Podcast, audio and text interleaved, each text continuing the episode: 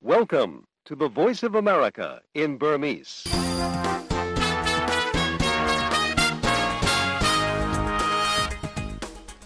မင်္ဂလာညချမ်းပါသောရရှင်များရှင် VOA American အတန်းရဲ့2024ခုနှစ်မတ်လ1ရက်တောက်ကြနေညပိုင်း VOA မြန်မာပိုင်းစီစဉ်တွေကို American ပြည်ထောင်စု Washington DC မြို့တော်ကနေမြန်မာစံတော်ချိန်ည9:00နာရီကနေ10:00နာရီထိဓာတ်ရိုက်ထုတ်လွှင့်ပေးနေပါပြီ။ကျမတို့ရဲ့ Radio ထုတ်လွှင့်ချက်တွေကိုရုပ်သံကပါရှုစားနိုင်ကြပါပြီရှင်။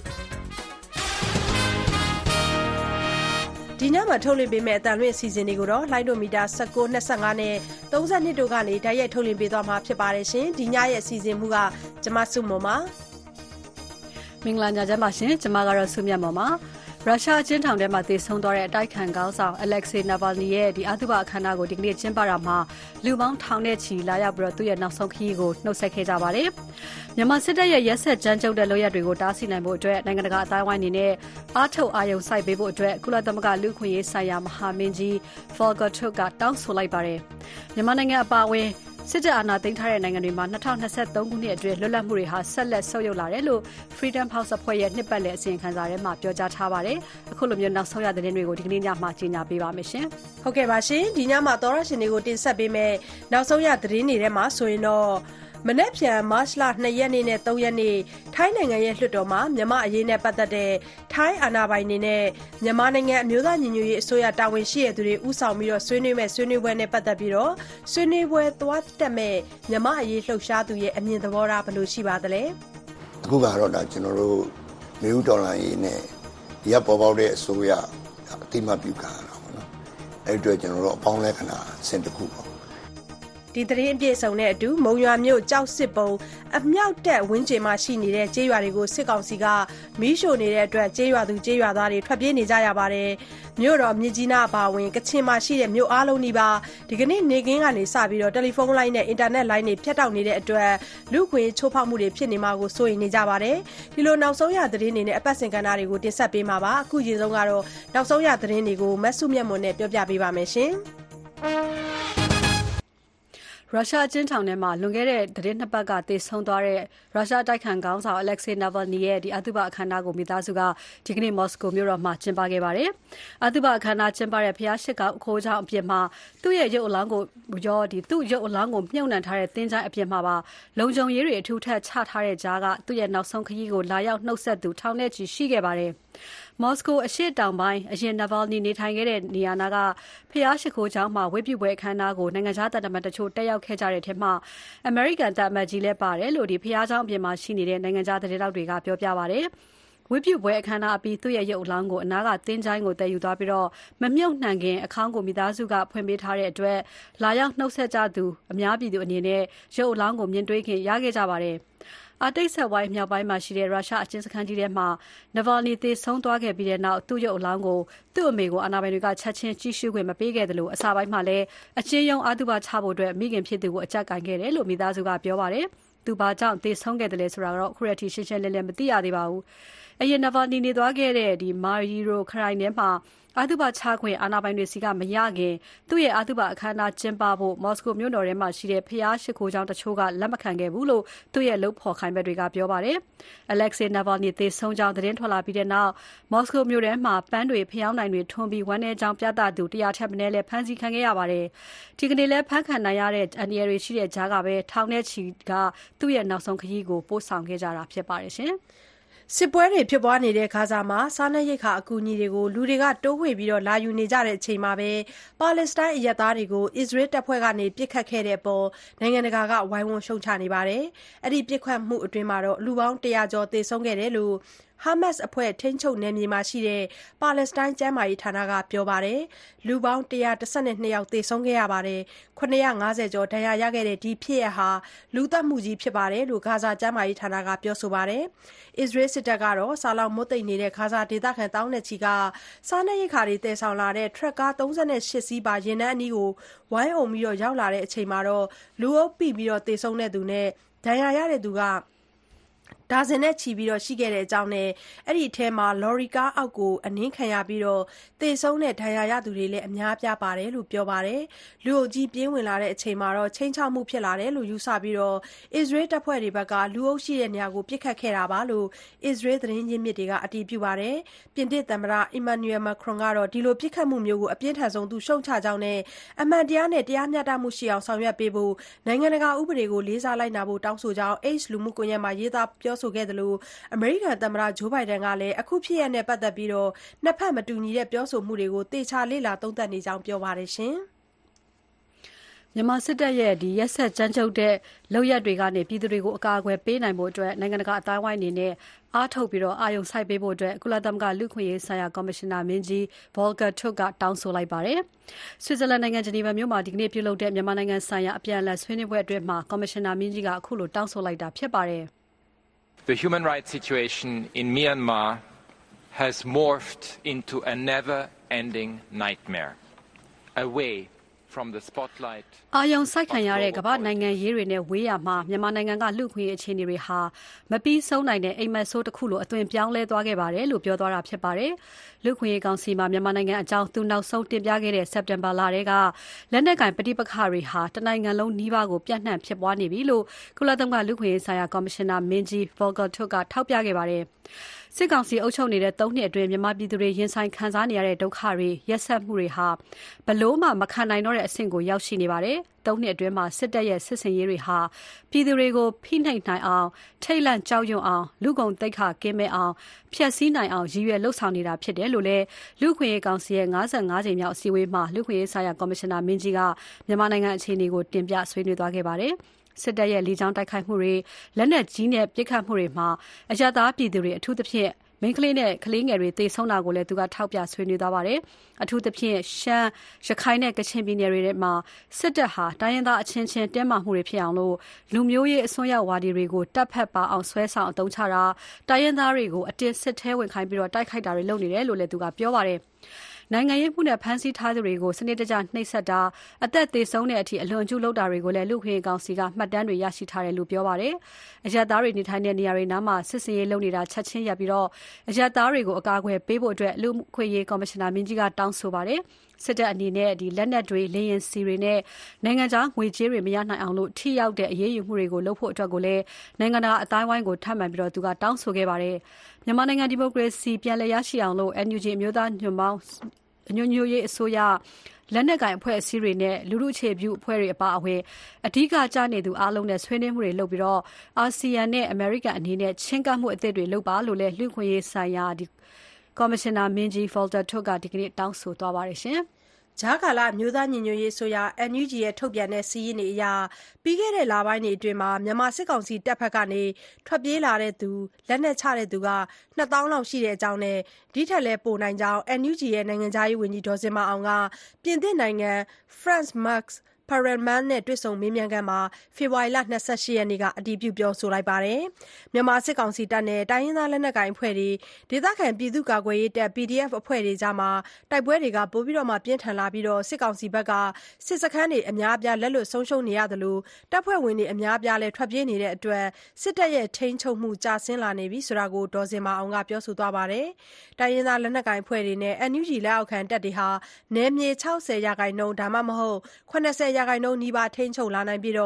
လာမယ့်လပိုင်းတွေအတွင်း စစ်ကောင်စီကို ပိုပြီး ဖိအားပေးနိုင်မယ်လို့ မျှော်လင့်တဲ့အကြောင်းလည်း ပြောပါတယ်။စစ်ကောင်စီကို ဆန့်ကျင်ပြီး ဒီမိုကရေစီရေးအတွက် လှုပ်ရှားဆောင်ရွက်နေတဲ့ အဖွဲ့အစည်းတွေကို မြန်မာပြည်သူတွေရဲ့ ကိုယ်စားလှယ်တွေအဖြစ် တရားဝင် အသိအမှတ်ပြုဖို့လည်း သူက တောင်းဆိုပါတယ်။မြန်မာစစ်တပ်ဘက်ကတော့ လက်နက်ချတဲ့စာရင်း၊ထွက်ပြေးတဲ့စာရင်းနဲ့ ပတ်သက်လို့ တရားဝင် စစ်ကောင်စီဘက်ကကြေညာတာမရှိသလို ကိန်းဂဏန်းတွေနဲ့ ပတ်သက် လို့လည်း သီးခြား အတည်ပြုချက် ထွက်မလာသေးပါဘူး။မြန်မာစစ်တပ်ဟာ ဆယ်စုနှစ်ပေါင်းများစွာအတွင်း အရင်ကနဲ့ မကြုံဖူးတဲ့ အနေအထား၊အရေးနိမ့်လာတဲ့ အခြေအနေကို ရင်ဆိုင်နေရတယ်လို့ သုံးသပ်ပြောဆိုမှုတွေ ရှိနေပါတယ်။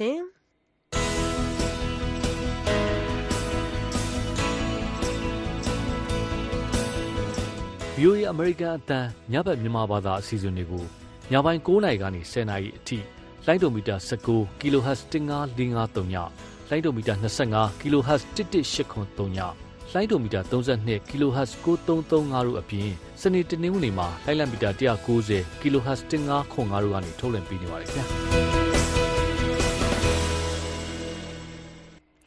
မလာတရက်တောက်ချာနေညပဲနိုင်ငံတကာသတင်းတွေကို VOA ကဆက်ပြီးတော့အကြေညာပေးနေပါတယ်ရှင်။ လွတ်လပ်မှုကိုစ조사ရုန်းကန်နေရတဲ့ ကမ္ဘာကြီးအတွက်2024ခုနှစ်ဟာ အရေးပါတဲ့နှစ်ဖြစ်တယ်လို့ American ခြေဆိုင် Freedom House အဖွဲ့ကြီးက ပြောကြားလိုက်ပါတယ်။မြန်မာ၊ဆူဒန်၊ယူကရိန်း စတဲ့နိုင်ငံတွေမှာ တိုက်ပွဲတွေ ဆက်လက်ဖြစ်ပွားနေသလို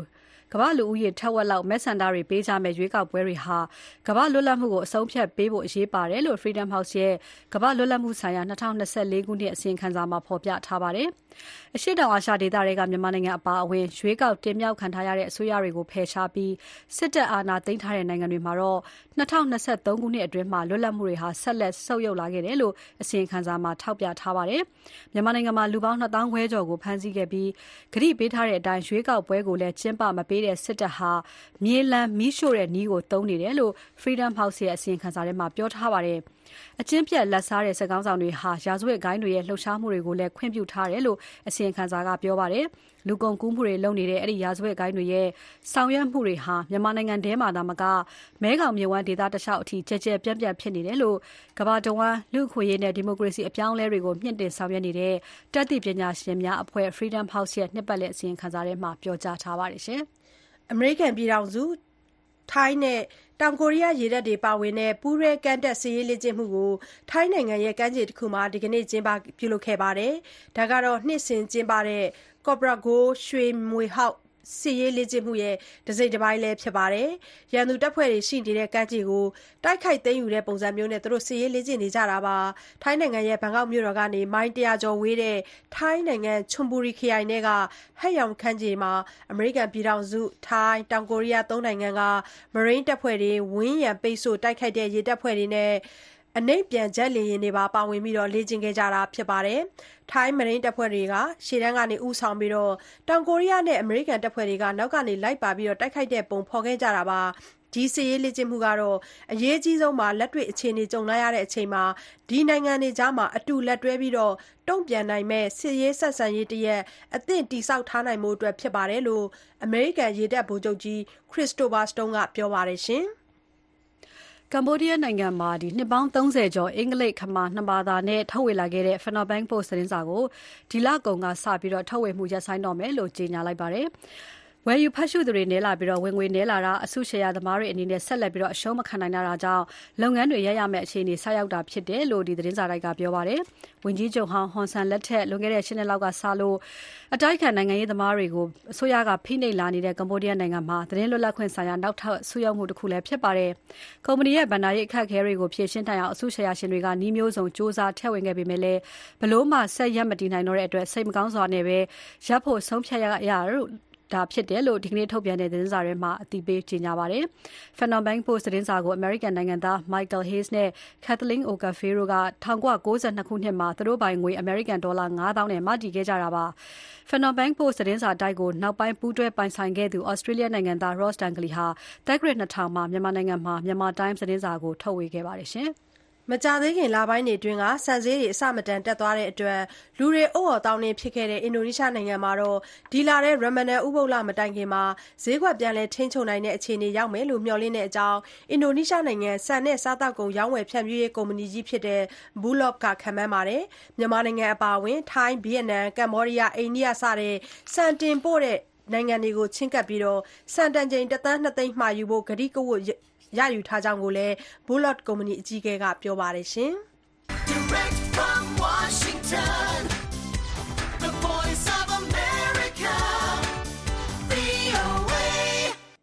သတင်းတွေကို မစုမြတ်မွန်နဲ့အတူ ပြောပြပေးခဲ့တာပါ။အခုဆက်ပြီး သတင်းပေးပို့ချက်တွေကိုဆက်တင်ဆက်ပေးပါမယ်။ထိုင်းနိုင်ငံ လွှတ်တော်မှာ မြန်မာ့အရေးနဲ့ပတ်သက်တဲ့ ဆွေးနွေးပွဲကို ထိုင်းအာဏာပိုင်တွေနဲ့ မြန်မာနိုင်ငံ အမျိုးသားညီညွတ်ရေးအစိုးရ NUG တာဝန်ရှိသူတွေ ဦးဆောင်ပြီး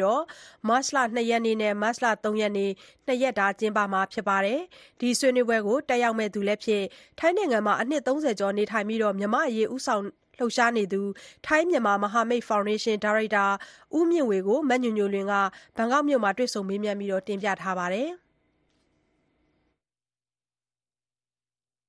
ကုလသမဂ္ဂဆိုင်ရာ အမြဲတမ်းကိုယ်စားလှယ် မြန်မာသံအမတ်ကြီး ဦးကျော်မိုးထွန်းနဲ့ အမျိုးသားညီညွတ်ရေးအစိုးရ NUG နိုင်ငံခြားရေးဝန်ကြီး ဒေါ်ဇင်မာအောင်အပြင် နိုင်ငံတကာကိုယ်စားလှယ်တွေ ပထမဆုံးပါဝင်တဲ့ မြန်မာ့အရေးဆွေးနွေးပွဲကို ဘန်ကောက်မြို့ ထိုင်းပါလီမန်ထဲမှာ ကျင်းပမှာဖြစ်ပါတယ်။ အာဏာသိမ်းပြီး ၃ နှစ်အကြာ ဆွေးနွေးပွဲကို မြန်မာ့ဒီမိုကရေစီရေးကို ဦးတည်မှုနဲ့ အဲဒီကနေ ထိုင်းနယ်ခြားတလျှောက် လုံခြုံရေး သက်ရောက်မှုတွေအပေါ် ထိုင်းနိုင်ငံခြားရေးဝန်ကြီး Parnpree ၊အမျိုးသားလုံခြုံရေးကော်မတီ နယ်ခြားတာဝန်ခံ Rangsiman ၊ထင်ရှားလှတဲ့ Move Forward ပါတီအမတ် Pita ၊ဒေါ်အောင်ဆန်းစုကြည်ရဲ့ စီးပွားရေးအတိုင်ပင်ခံဟောင်း Sean Turnell အပါအဝင် နိုင်ငံတကာ သံတမန်တွေ ဆွေးနွေးကြမှာပါ။ ဒီတွေ့ဆုံပွဲကမြန်မာ့အရေးအတွက်အပေါင်းလက္ခဏာဆောင်တဲ့လုပ်ရပ်တခုဖြစ်တယ်လို့တွေ့ဆုံပွဲတက်ရောက်မယ့်မြန်မာ့အရေးလှုပ်ရှားသူဦးမြင့်ဝေကပြောပါတယ်။အခုကတော့ဒါကျွန်တော်တို့နယူးဒေါ်လာရေးနဲ့ဒီကပေါ်ပေါက်တဲ့အစိုးရအတိမပြုခံရတာပေါ့နော်။အဲ့အတွက်ကျွန်တော်တို့အပေါင်းလက္ခဏာစင်တခုပေါ့။နောက်တက်လည်းထပ်ပြီးတော့ကျွန်တော်တို့ပြောရေးဆိုခွင့်ရလာမှာပေါ့။အခုကတော့အခုဒီအခမ်းအနားအစီအစဉ်ရဆီမီနာကနေပေါ်ပေါက်တဲ့လူမှုဆက်ဆံရေးတွေကနေကျွန်တော်တို့ ဒီလူဒေါ်လာရဲ့ဥဆောင်တဲ့အပိုင်းကအလုပ်သမားဆိုအလုပ်သမားနဲ့ပေါ့ပညာရေးဆိုရင်ပညာရေးပေါ့နော်အဲ့တော့အဲ့လိုဘဝတွေဆက်ဆံနိုင်လာရင်ကျွန်တော်ထိုင်းတဲ့ကိုဘယ်လိုမလဲမဆိုရောက်လာမဲ့လူတွေရဲ့လူမှုရေးစီးပွားရေးပညာရေးကလေးသူငယ်တွေရေးအားလုံးကကျွန်တော်တို့တိုးတက်အောင်ထိန်းကြည့်သွားလို့ရတာပေါ့နော်အဲ့တော့အပေါင်းလက္ခဏာဆောင်တဲ့ဟိုပါပါ အခုလိုတွေ့ဆုံမှုအခမ်းအနားဖြစ်လာရတာကနှွေဦးတော်လှန်ရေးအပေါ်မြန်မာလူထုထောက်ခံမှုကအားကောင်းလွန်းတာကြောင့်ဖြစ်တယ်လို့တော့ဦးမြင့်ဝေကသုံးသပ်ပါတယ်။ထိုင်းနိုင်ငံမှာမြန်မာနိုင်ငံသားတရားဝင်က၄သန်းလောက်ကြော်ကြော်ရှိတော့လား။နောက်အဲ့တရားဝင်မြန်မာနိုင်ငံသားတွေကလည်းအခုတော်လှန်ရေးမှာအများကြီးပတ်မှုတဲ့အဓိကထောက်ခံသူတွေကိုနှွေဦးတော်လှန်ရေးမှာ NUG ကပြည်သူတွေရဲ့တခဲနဲ့ထောက်ခံမှုရတဲ့အတွက်ထိုင်းဘက်ကနောက်ဆုံးအဆင့်မှာသူစပြီးစဉ်းစားတာ နောက်ပြီးတော့သူ့တိုင်းပြည်ရဲ့နေကြားနဲ့သူဆက်ဆက်နေတော့သူ့မှာလည်းလုံညုံရေးစီးပွားရေးအကုန်လုံးထိခိုက်တယ်အကျိုးမြတ်လည်းရှိတယ်ထိခိုက်မှုတွေလည်းရှိတယ်အဲအဲ့ဒီခါကျတော့သူကဒါကိုစဉ်းစားပြီးတဲ့အတွက်ဒါကျွန်တော်တို့ကရှင်းရှင်းပြောရရင်တော့ဟိုဥကျော်မိုးထွန်းတာမတ်ကြီးနဲ့ဒီတော့စင်မအောင်ငံကြားရေးဝန်ကြီးကျောင်း NUG ကျောင်းရေဆိုတာတဲ့နောက်ခံလူလူရဲ့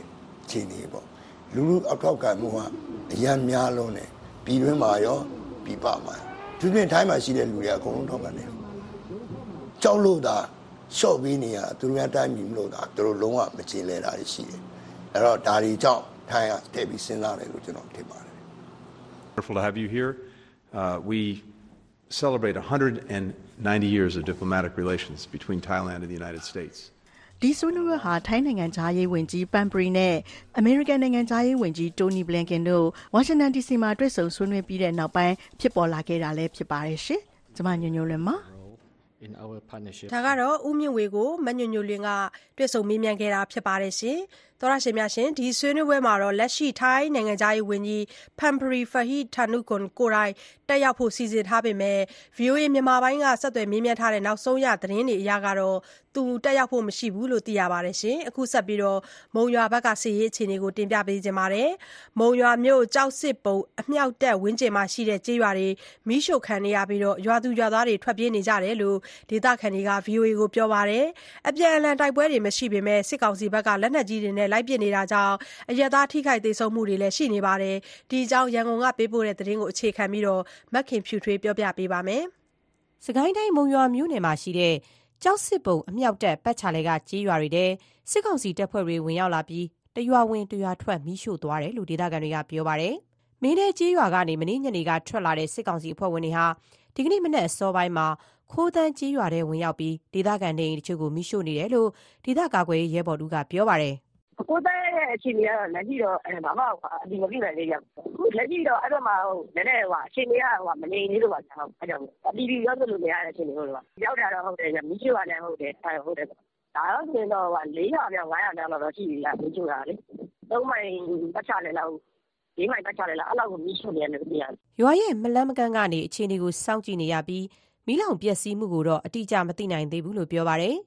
ရွာထဲမှာတော့ ဒီကနေ့ နေ့လယ်အချိန်အထိ စစ်ကောင်စီအဖွဲ့ဝင်တွေ ရှိနေတုန်းပဲလို့ ပြောပါတယ်။ရေကန်စုကြေးရွာထဲ ဖေဖော်ဝါရီလ28ရက် ပြီးခဲ့တဲ့ပုံနှူနေညက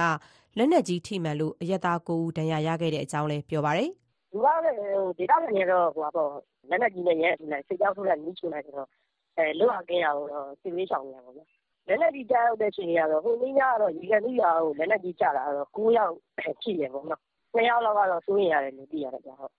ကျေးရွာတွေကဒေသခံနေအိမ်တချို့မိရှို့ဖျက်ဆီးခံရတာ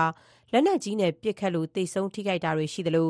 မုံရွာမြို့ပေါ်မှာလည်း အစစ်အဆေး အတားအဆီးတွေ ပုံမှန်တိုင်း ဆက်ပြီးရှိနေတယ်လို့ မုံရွာမြို့ကန်တဦးကလည်းပြောပါတယ်။“မြို့ပေါ်အခြေအနေကတော့ ဖမ်းတာဆီးတာတွေကတော့ ရှိတယ်။ကင်းလှည့်တာတွေလောက်ပဲ ရှိတယ်။ကျန်တာကတော့ သိပ်ပြီး မထူးခြားပါဘူး။”မုံရွာမြို့မှာ ဒေသတွင်း တော်လှန်ရေးအဖွဲ့တွေနဲ့ စစ်ကောင်စီတပ်ဖွဲ့တွေအကြား အပြန်အလှန် ထိတွေ့တိုက်ပွဲတွေ မရှိပေမယ့် ကျေးရွာတွေထဲ လက်နက်ကြီးတွေနဲ့ ပစ်ခတ်လို့ အရပ်သား ထိခိုက်ဒဏ်ရာရတာတွေလည်း ရှိတယ်လို့ ဒေသခံတွေက ပြောဆိုကြပါတယ်။ထိတွေ့တိုက်ပွဲ မရှိပေမယ့်လည်း လက်နက်ကြီး ကျရောက်မှာကို စိုးရိမ်ပူပန်တာကြောင့် ထွက်ပြေး တိမ်းရှောင်နေကြရပြီး တချို့ကတော့ နေအိမ် မီးရှို့ဖျက်ဆီးခံရလို့ ပြန်စရာနေအိမ်မရှိ ဖြစ်နေတာတွေလည်း ရှိပါတယ်။ ဒါကတော့မုံရွာမြို့ ကျောက်စစ်ဘုတ် အမြောက်တပ်ဝန်းကျင်မှာရှိတဲ့ ကျေးရွာတွေကို စစ်ကောင်စီတပ်က မီးနဲ့လိုက်ရှို့နေတဲ့အတွက် ရွာသူရွာသားတွေ ထွက်ပြေးနေရတဲ့အခြေအနေမခင်ဖြူထွေးတင်ပြပေးခဲ့တာပါ။ဆက်ပြီးဒီကနေ့မနက်ပိုင်းကစလို့ ကချင်တပြည်နယ်လုံးနီးပါး ဆက်သွယ်ရေးလိုင်းတွေ ပြတ်တောက်နေတဲ့အခြေအနေကို တင်ပြပေးထားပါတယ်။ကချင်ပြည်နယ်ရဲ့ မြို့တော် မြစ်ကြီးနားအပါအဝင် ကချင်ပြည်နယ်က မြို့အားလုံးနီးပါး ဒီကနေ့ နေ့ခင်းပိုင်းကစတင်လို့ တယ်လီဖုန်းလိုင်းနဲ့ အင်တာနက်လိုင်းတွေ ပြတ်တောက်သွားပါတယ်။လောလောဆယ် ဖားကန့်နဲ့ မံစီမြို့ဘက်တွေမှာ တိုက်ပွဲတွေ အပြင်းအထန် ဖြစ်ပွားနေတာကြောင့် တယ်လီဖုန်းလိုင်းနဲ့ အင်တာနက်လိုင်းတွေ အခုလို ပြတ်တောက်သွားချိန်မှာ လူ့အခွင့်အရေး ချိုးဖောက်မှုတွေ ဖြစ်ပွားမှာကိုလည်း စိုးရိမ်နေကြပါတယ်။လတ်တလော ကချင်ပြည်နယ်အတွင်း ဆက်သွယ်ရေး ပြတ်တောက်နေတဲ့ အခြေအနေအကြောင်း ရန်ကုန်က သတင်းပေးပို့ချက်ကို အခြေခံပြီး ကိုဇော်ဝင်းလှိုင်ကတင်ပြပေးထားပါတယ်။ယခုခေါ်ဆိုသောဖုန်းမှာဆက်ပိတ်ထားပါတယ်ရှင်။ The number you have dialed is switched off. လူကြီးမင်းခေါ်ဆိုသော တယ်လီဖုန်းမှာဆက်ပိတ်ထားပါတယ်ရှင်။ Sorry, the number you have dialed is power off. ဒါကတော့ကချင်ပြည်နယ်မြို့တော်မြစ်ကြီးနားအပါအဝင်မြို့ကြီးတော်တော်များများကို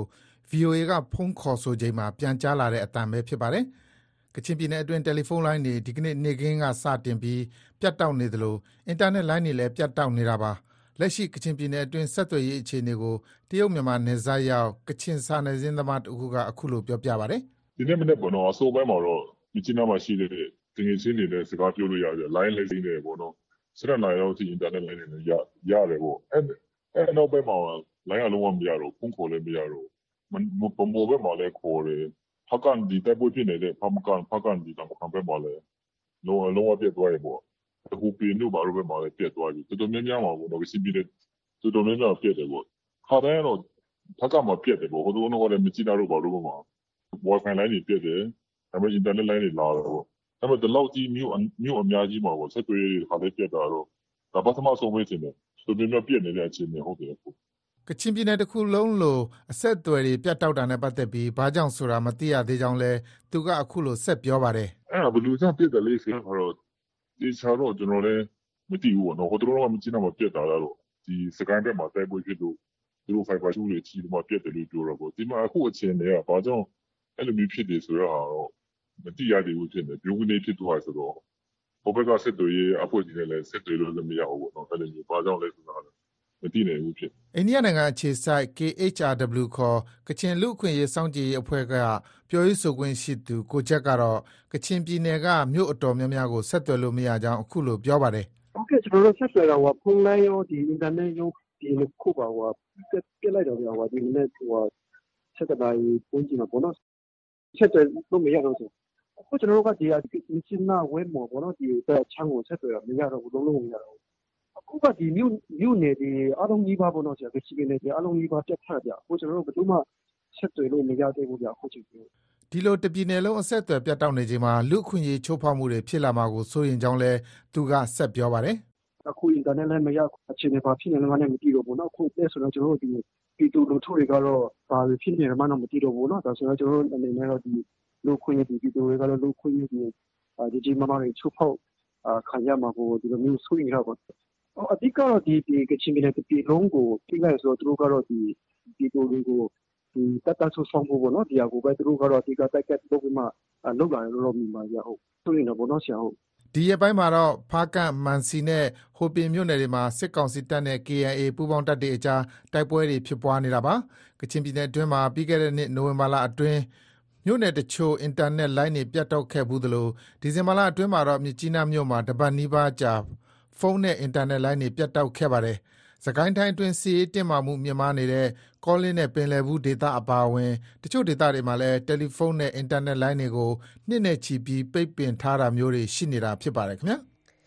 ဒါကတော့ကချင်ပြည်နယ် မြစ်ကြီးနားမြို့အပါအဝင် ကချင်ပြည်နယ်အတွင်းက မြို့အားလုံးနီးပါး ဒီကနေ့ နေ့ခင်းပိုင်းကစလို့ တယ်လီဖုန်းလိုင်းနဲ့ အင်တာနက်လိုင်းတွေ ပြတ်တောက်နေတဲ့အပေါ် လူ့အခွင့်အရေး ချိုးဖောက်မှုတွေဖြစ်မှာကို စိုးရိမ်နေကြတဲ့အခြေအနေ ကိုဇော်ဝင်းလှိုင်က ပြောပြပေးထားပါတယ်။ဆက်ပြီးတော့မြန်မာနိုင်ငံမှာ ပညာတတ်လူငယ်မျိုးဆက်မပျောက်အောင် အမေရိကန် ကူညီထောက်ပံ့မယ့် အစီအစဉ်သစ်အကြောင်း တင်ပြပေးထားပါတယ်။အနာဂတ် မြန်မာနိုင်ငံ ဖွံ့ဖြိုးတိုးတက်ရေးအတွက် လိုအပ်တဲ့ ပညာရပ်တွေ သင်ကြားနိုင်ဖို့ မြန်မာကျောင်းသူကျောင်းသား ထောင်နဲ့ချီအတွက် ပညာတော်သင်ဆုပေးအပ်မယ့် အစီအစဉ်သစ်နဲ့ ပတ်သက်လို့ USAID နိုင်ငံတကာ ဖွံ့ဖြိုးရေးအေဂျင်စီက ဖေဖော်ဝါရီလ ၂၉ ရက်နေ့က ကြေညာလိုက်ပါတယ်။မြန်မာနိုင်ငံမှာ ပညာတတ်လူငယ်မျိုးဆက် ပျောက်ဆုံးသွားတာမျိုး မဖြစ်အောင် အမေရိကန်ပြည်ထောင်စုအနေနဲ့ ကူညီထောက်ပံ့ပေးသွားမယ်လို့ တာဝန်ရှိသူတွေက ပြောပါတယ်။ထိုင်းနိုင်ငံ ဘန်ကောက်မြို့ကနေ ကိုအောင်အောင် သတင်းပေးပို့ထားပါတယ်။ Diversity and Inclusion Scholarship မတူကွဲပြားခြင်းနဲ့ အားလုံးပါဝင်နိုင်တဲ့ ပညာတော်သင်ဆုကို အမေရိကန်ပြည်ထောင်စုနိုင်ငံတကာဖွံ့ဖြိုးမှု agency USAID ကနေပြီးတော့ကြေညာလိုက်ပါတယ်ဒီပညာတော်သင်ဆုကိုမြန်မာကျောင်းသူကျောင်းသားတထောင်ကျော်ရရှိမှာဖြစ်ပါတယ် ဘန်ကောက်မြို့ Jim Thompson Art Center မှာကျင်းပတဲ့ပညာတော်သင်ဆုနဲ့ပတ်သက်ပြီးမိတ်ဆက်ကြီးညာတဲ့အခမ်းအနားကိုမြန်မာနိုင်ငံဆိုင်ရာတန်ယုံအကြီးအကဲ Susan Stevenson လည်းတက်ရောက်ပါတယ် We remember the difficulties of the of the university 1990ခုနှစ်ကာလတွေတုန်းကတက်တူကျောင်းတွေရဲ့အခြေအနေကိုပြန်အမှတ်ရမိစေပါတယ်။ကျောင်းသားတွေဟာဘွဲရဖို့ဆယ်စုနှစ်နဲ့ချီအချိန်ကြာမြင့်ခဲ့ပါတယ်။ထောက်ကူပြုပေးတာမျိုးမရှိဘူးဆိုရင်မြန်မာနိုင်ငံအနေနဲ့လူငယ်မျိုးဆက်တစ်ရဲ့ပျောက်ဆုံးတော့မဲ့အန္တရာယ်ကိုလည်းရင်ဆိုင်နေရတာပါ။မြန်မာနိုင်ငံဖွံ့ဖြိုးတိုးတက်ရေးအကောင့်တွေပေါ်ရမှာလိုအပ်တဲ့ပညာရေးအတွက် ၄နှစ် Bachelor Degree, Master Degree နဲ့ PhD ဘွဲ့တွေအပြင် Certificate အတိမတ်ပြုလက်မှတ်နဲ့ Diploma အစီအစဉ်တော်တော်များများအတွက်လည်းပညာတော်သင်ဆုလျှောက်ထားနိုင်ပါတယ်အသက်25နှစ်အောက်လူငယ်45ရာခိုင်နှုန်းရှိနေတဲ့မြန်မာနိုင်ငံမှာအခက်အခဲမျိုးစုံအကြားပညာသင်ကြားဖို့အခက်တွေ့နေရတဲ့အခြေအနေတွေကြောင့် American ပြည်ထောင်စုအနေနဲ့လိုအပ်ချက်ကိုဖြည့်ဆည်းပေးတာဖြစ်တဲ့အကြောင်းလည်းအခုလိုပြောကြားပါရစေ What we want is to make sure that they have those သူတို့ opportunities. တက်ဆွမ်းသမျှအကောင်းဆုံးစူးစမ်းပြီးသူတို့ရဲ့အနာဂတ်အတွက်သာမဟုတ်ဘဲမြန်မာနိုင်ငံရဲ့အနာဂတ်အတွက်အဆင့်မြင့်ပညာရေးကိုဆက်လက်သင်ကြားနိုင်ခွင့်ရဖို့ဆောင်ရွက်ပေးသွားမှာပါမတူကွဲပြားမှုနဲ့အားလုံးပါဝင်ခွင့်ရှိတဲ့ပညာတော်သင်ဆုအစီအစဉ်ဟာအမေရိကန်ပြည်ထောင်စုအနေနဲ့တနည်းတလန်းအဖြစ်အထောက်ပံ့ပေးတာဖြစ်ပါတယ် DISP မတူကွဲပြားမှုနဲ့အားလုံးပါဝင်ခွင့်ရှိသော ပညာတော်သင်ဆုရရှိသူတွေဟာထိုင်းနိုင်ငံနဲ့အာရှဒေသတွင်းနိုင်ငံတွေဖြစ်တဲ့ကမ်ဘောဒီးယား၊အိန္ဒိယ၊အင်ဒိုနီးရှားနဲ့ဖိလစ်ပိုင်နိုင်ငံတွေအပြင်အမေရိကန်ပြည်ထောင်စုအရီဇိုနာတက္ကသိုလ်ရဲ့အွန်လိုင်းစနစ်ကနေလည်းပညာသင်ကြားခွင့်ရရှိမှာပါ USA အနေနဲ့အခုပညာတော်သင်ဆုအပြင်မြန်မာကျောင်းသူကျောင်းသားရာကနန်းကိုလင်ကွန်းပညာတော်သင်ဆုလည်းပေးအပ်ခဲ့ပါတယ် လူငယ်မျိုးဆက်တွေအနေနဲ့ပညာသင်ကြားခွင့်ရဖို့အရေးကြီးကြောင်း American ပြည်ထောင်စုနိုင်ငံတကာဖွံ့ဖြိုးရေး Agency USAID အာရှရေးရာလက်ထောက်အုပ်ချုပ်ရေးမှူး Michael Schiffer ကအခုလိုပြောကြားပါတယ် We know that higher အ education သိပညာအတတ်ပညာရရှိမဲ့အစင်းမြင့်ပညာသင်ကြားခွင့်ရမှသာကျောင်းသားတွေအနေနဲ့နိုင်ငံတည်ဆောက်ရာမှာအသုံးဝင်တဲ့ကျွမ်းကျင်တဲ့ပညာရှင်တွေဖြစ်လာမယ်ဆိုတာကိုကျွန်တော်တို့ယုံကြည်ပါတယ် DISP ပညာသင်ဆုအစီအစဉ်ဟာဒေတာတွင်အစင်းမြင့်ပညာရေးကဏ္ဍနဲ့ပတ်သက်လို့မဟာဗျူဟာမြောက်ယင်းနှိမ့်ညွတ်နှံမှုဖြစ်ကြောင်းလဲရှေဖာကပြောဆိုပါတယ်။ဒါအပြင်အခုလိုအစီအစဉ်ဟာပညာရေးနဲ့ပတ်သက်ပြီးအလေးထားတဲ့ American ပြည်ထောင်စုရဲ့တနိဋ္ဌာန်ချဆောင်ရွက်မှုကိုပြသလိုက်တာဖြစ်တယ်လို့မြန်မာနဲ့ကမ္ဘာတလွှားမှာကောင်းမွန်တဲ့အကျိုးဆက်တွေပေါ်ပေါက်လာဖို့အတွက်ဖြစ်တယ်လို့လည်း Michael Schiffer ကကြေညာချက်ထဲမှာပြောဆိုထားပါတယ်။မြန်မာနိုင်ငံတွင်းနဲ့နေဆက်ဒေသကပညာတော်သင်ဆုလျှောက်ထားသူတွေကိုရွေးချယ်ရမှာနိုင်ငံအတွက်ဥဆောင်ဥရွက်ဘာတွေဆောင်ရွက်ခဲ့လဲဆိုတဲ့အပေါ်မူတည်ရွေးချယ်မှာဖြစ်တယ်လို့ပညာတော်သင်ဆုကနေကိုယ့်လူမှုအတိုင်းဝိုင်းအတွက် ဘလို့အကျိုးပြုနိုင်မလဲဆိုတဲ့အစီအစဉ်နဲ့ပတ်သက်ပြီးတော့လဲရှင်းရှင်းလင်းလင်းသိရှိထားဖို့လိုအပ်ကြောင်း USAID ကပြောဆိုထားပါတယ်။ပညာသင်ကြားပြီးတဲ့အခါမှာလဲကိုယ့်ဌာနေလူမှုအတိုက်အဝန်ကြားပြန်သွားပြီးမတူကွဲပြားမှုတွေကိုဖြည့်ရှင်းကျော်လွှားကာအတူပူးပေါင်းဆောင်ရွက်နိုင်အောင်ကြိုးပမ်းဖို့လဲလိုအပ်မှာဖြစ်ပါတယ်ခင်ဗျာ။ ဒဒါကတော့ မြန်မာနိုင်ငံမှာ ပညာတတ်လူငယ်မျိုးဆက် ပျောက်ဆုံးသွားတာမျိုး မဖြစ်အောင် အမေရိကန်ပြည်ထောင်စုက ကူညီထောက်ပံ့ပေးသွားမယ့် အစီအစဉ်သစ်တွေနဲ့ ပတ်သက်လို့ ထိုင်းနိုင်ငံ ဘန်ကောက်မြို့ကနေ ကိုအောင်တင်ပြပေးခဲ့တာပါ။ဒီကနေ့ညရဲ့ ထုတ်လွှင့်ချက်ကတော့ ဒီလောက်ပါပဲ။မကြာခင်ထုတ်လွှင့်ပေးမယ့် ဒုတိယပိုင်း နာရီဝက်မှာတော့ အပတ်စဉ်ကဏ္ဍအစီအစဉ်တွေဖြစ်တဲ့ အမျိုးသမီးကဏ္ဍ၊သုတစုံလင် အမေရိကန်တခွင်နဲ့ သိပ္ပံနဲ့နည်းပညာ အစီအစဉ်တွေကို ရှုစားနားဆင်ရဖို့ ရှိပါတယ်။သောတရှင်တွေ အခုနားဆင်နေရတာကတော့ VOA အမေရိကန်အသံရဲ့ သောကြာညပိုင်း ထုတ်လွှင့်ချက် အစီအစဉ်တွေကို အမေရိကန်ပြည်ထောင်စု ဝါရှင်တန်ဒီစီမြို့တော်ကနေ မြန်မာစံတော်ချိန်ည9:00နာရီကနေ10:00နာရီထိ တိုက်ရိုက်ထုတ်လွှင့်ပေးနေတာဖြစ်ပါတယ်။ VOA အမေရိကန်အသံရဲ့ သတင်းမှန်သတင်းမြန်တွေကို Telegram လူမှုကွန်ရက်စာမျက်နှာမှာလည်း ရှုစားနိုင်ပါတယ်။ VOA Telegram စာမျက်နှာလိပ်စာ t.me/burmese.voanews မှာ join လုပ်ပြီး ချိတ်ဆက်ရယူပါရှင်။ မင်္ဂလာညချမ်းပါသောတရှင်များရှင်။ VOA အမေရိကန်အသံရဲ့၂၀၂၄ခုနှစ်မတ်လ၁ရက်နေ့သောကြာညပိုင်းဒုတိယပိုင်းနာရီဝက်မှာတော့အပတ်စဉ်ကဏ္ဍအစီအစဉ်တွေကိုဆက်တိုက်တင်ဆက်ပေးမှာပါ။သုတစုံလင်အမေရိကန်တခွင်နဲ့သိပ္ပံနဲ့နည်းပညာကဏ္ဍမတိုင်ခင်မှာအရင်ဆုံးအမျိုးသမီးကဏ္ဍကိုတင်ဆက်ပေးချင်ပါတယ်။ဒီသတင်းပတ်မှာတော့မြန်မာနိုင်ငံမှာစစ်ကောင်စီကစစ်မှုထမ်းဥပဒေကိုအမျိုးသမီးတွေကန့်ကွက်ဆိုတဲ့ခေါင်းစဉ်နဲ့တင်ဆက်ထားပါတယ်။အရွယ်ရောက်ပြီးတဲ့လူငယ်လူရွယ်တိုင်းမဖြစ်မနေစစ်မှုထမ်းရမယ်ဆိုတဲ့ဥပဒေစတင်အသက်ဝင်ကြောင်းစစ်ကောင်စီက ၂၀၂၄ ခုနှစ် ဖေဖော်ဝါရီလထဲမှာ ကြေညာခဲ့သလို တချို့နေရာဒေသတွေမှာ လူငယ်တွေ အတင်းအဓမ္မ စစ်သားစုဆောင်းခံနေရတယ်ဆိုတဲ့ သတင်းတွေ ထွက်ပေါ်နေတာကြောင့် မလုံခြုံမှုတွေ ပိုခံစားလာရပြီး နေ့စဉ် စိုးရိမ်ကြောင့်ကြနေရတယ်လို့ လူငယ်တွေနဲ့ သူတို့ရဲ့ မိခင်တွေက ပြောပြကြပါတယ်။မြန်မာနိုင်ငံမှာ စစ်တပ်အာဏာသိမ်းတာကို လက်မခံသလို ဒီလို စစ်တပ်ထဲစစ်မှုထမ်းဖို့လည်း မဖြစ်နိုင်ဘူးလို့ လူငယ်အမျိုးသမီးတွေက ပြောပါတယ်။စစ်မှုထမ်းဥပဒေနဲ့ ပတ်သက်လို့ လူငယ်အမျိုးသမီးနဲ့ မိခင်တချို့ရဲ့ အမြင်တွေကို စုစည်းပြီးဒီသတင်းပတ်ရဲ့အမျိုးသမီးကဏ္ဍမှာမခင်ဖြူထွေးတင်ဆက်ပေးထားပါတယ်။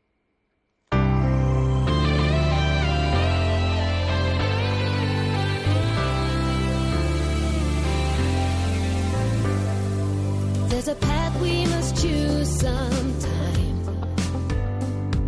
Gotta stand up and fight sometime.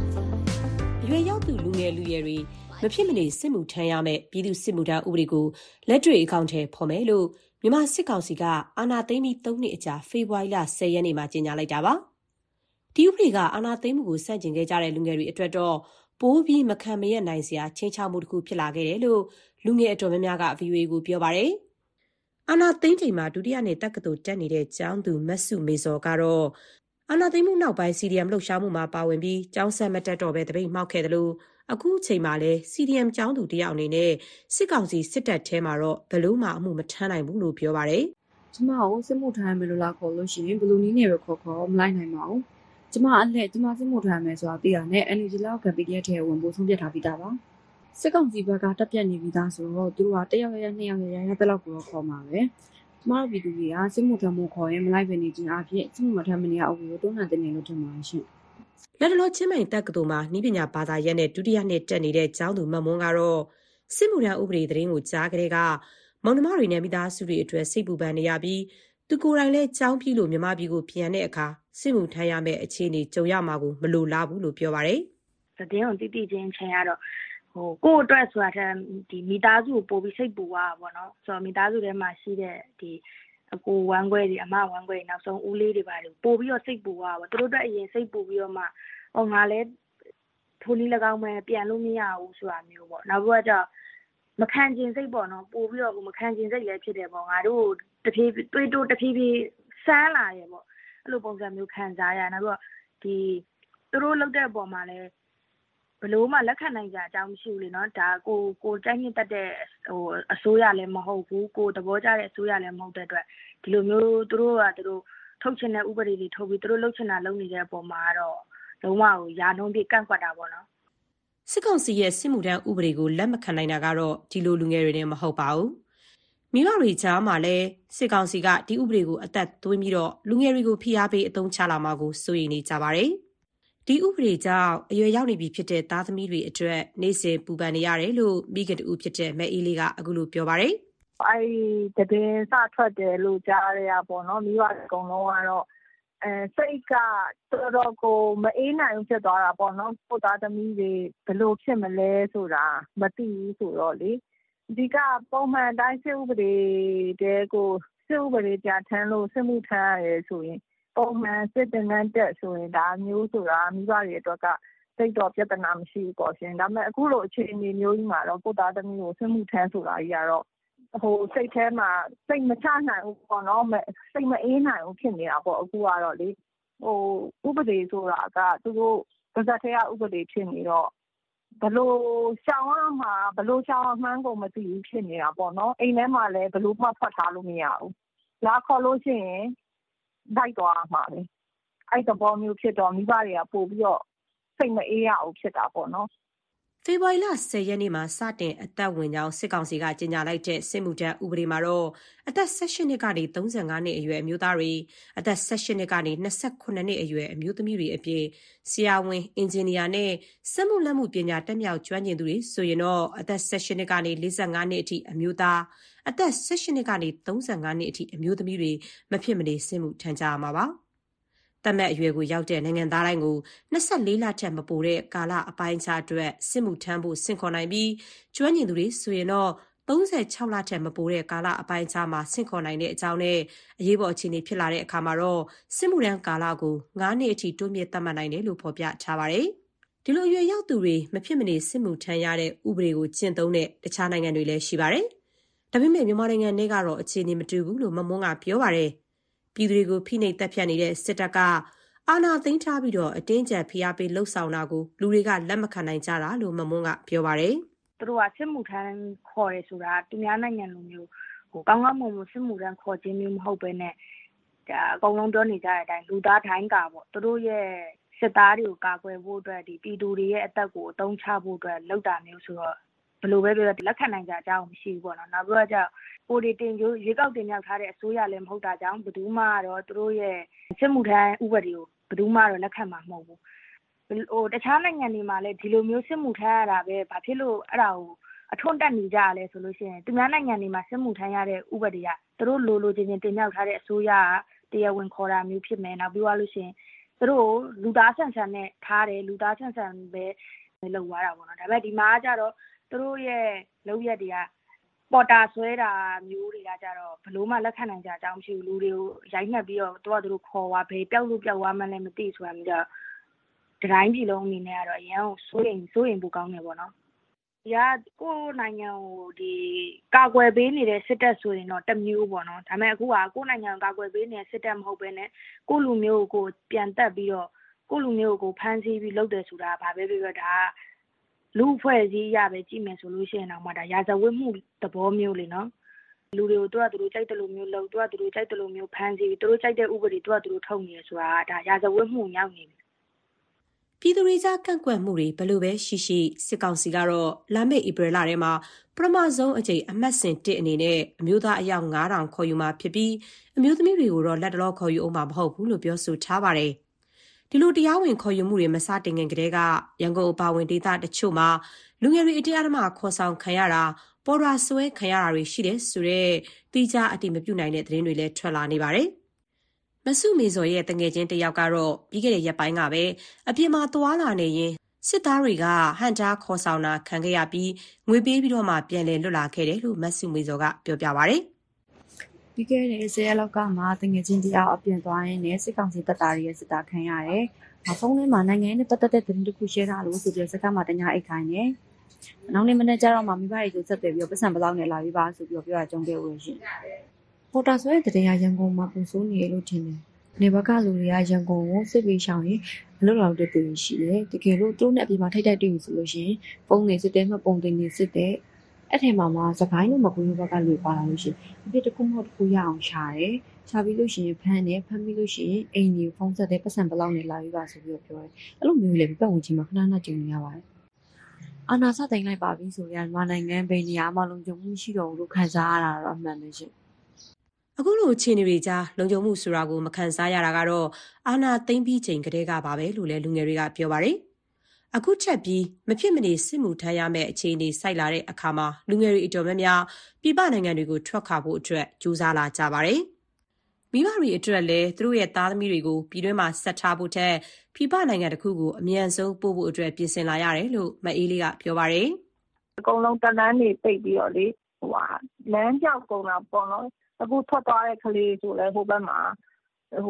နိုင်ငံမဲ့တဲ့သဘောမျိုးဖြစ်တာပေါ့နော်။အခုဆိုကျမတို့လည်းသားကိုလွှတ်မယ်။လွှတ်ပေမယ့်ဒီဘက်မှာသူ့ကိုကျမတို့ဘယ်လောက်ထိ supporting လုပ်နိုင်မလဲကျမတို့မသိဘူးပေါ့နော်။ဒီကြားထဲမှာကျမတို့နိုင်ငံရဲ့အခြေအနေကတခုခုအဆက်အသွယ်များပြတ်သွားခဲ့ရင်ဆိုတဲ့အတွေးကလည်းကျမတို့ကိုတော်တော်ဖိစီးတယ်။” စစ်မှုထမ်းဥပဒေကြောင့် လူငယ်တွေနဲ့ မိသားစုတွေကြား အခုလို ဖိစီးမှုတွေ တိုးလာတဲ့အပေါ် စစ်ကောင်စီကတော့ အစိုးရိမ်မလွန်ကြဖို့နဲ့ ဒီဥပဒေနဲ့ ပတ်သက်ပြီး အထင်မှား စိုးရိမ်မှုတွေဖြစ်အောင် သတင်းမီဒီယာတချို့က သွေးထိုးလှုံ့ဆော်နေတာလို့လည်း တုံ့ပြန်ထားပါတယ်။ဘယ်လိုပဲဖြစ်ဖြစ် လူငယ်တွေကတော့ စစ်ကောင်စီရဲ့ လုပ်ရပ်ကို အစကတည်းက မယုံကြည်တာကြောင့် အခု စစ်မှုထမ်းရမယ့်အရေးကိုလည်း ရတဲ့နည်းနဲ့ ရှောင်ရှားသွားမယ်လို့ မမွန်းက ပြောပါတယ်။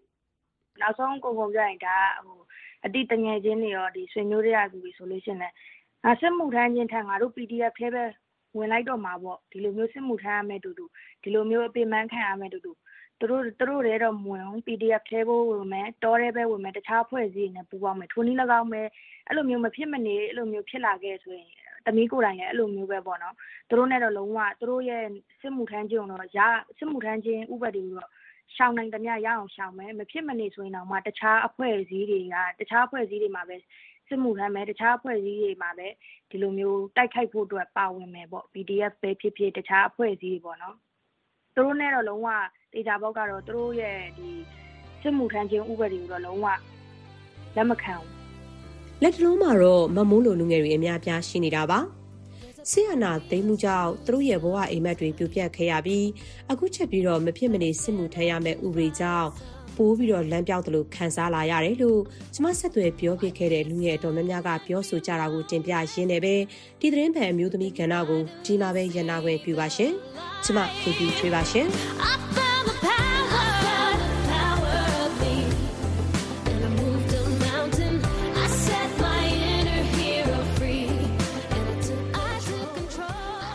မခင်ဖြူထွေးစီစဉ်တင်ဆက်ပေးခဲ့တဲ့အမျိုးသမီးကဏ္ဍပါ။အခုဆက်ပြီးသုတစုံလင်အမေရိကန်တခွင်အစီအစဉ်ကိုတင်ဆက်ပေးချင်ပါတယ်။ဒီသီတင်းပတ်မှာတော့မသန်စွမ်းမြင်းစီးချန်ပီယံတယောက်အကြောင်းတင်ပြပေးထားပါတယ်။အမေရိကန်ပြည်ထောင်စုမှာဥပဒေပညာရပ်လေ့လာပြီးရှေ့နေတဦးလည်းဖြစ်တဲ့ကိုနိုင်လက်ဝင်းကိုကိုအောင်ကနယူးဂျာစီပြည်နယ်မှာသွားရောက်ရိုက်ကူးမေးမြန်းတင်ပြထားပါတယ်။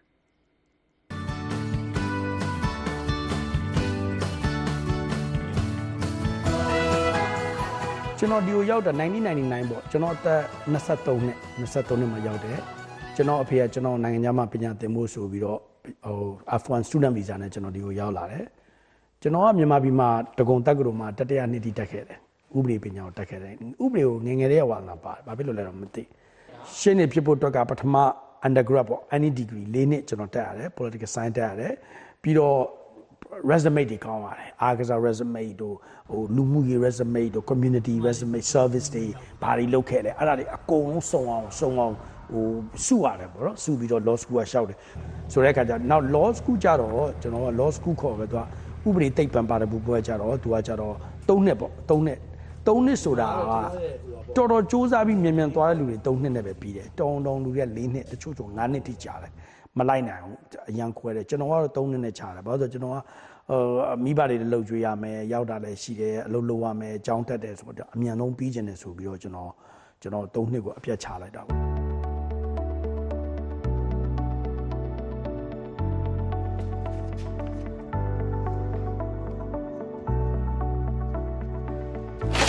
ကျွမ်းကျင်မှုလေးလောက်တာကြာတော့ကျွမ်းကျင်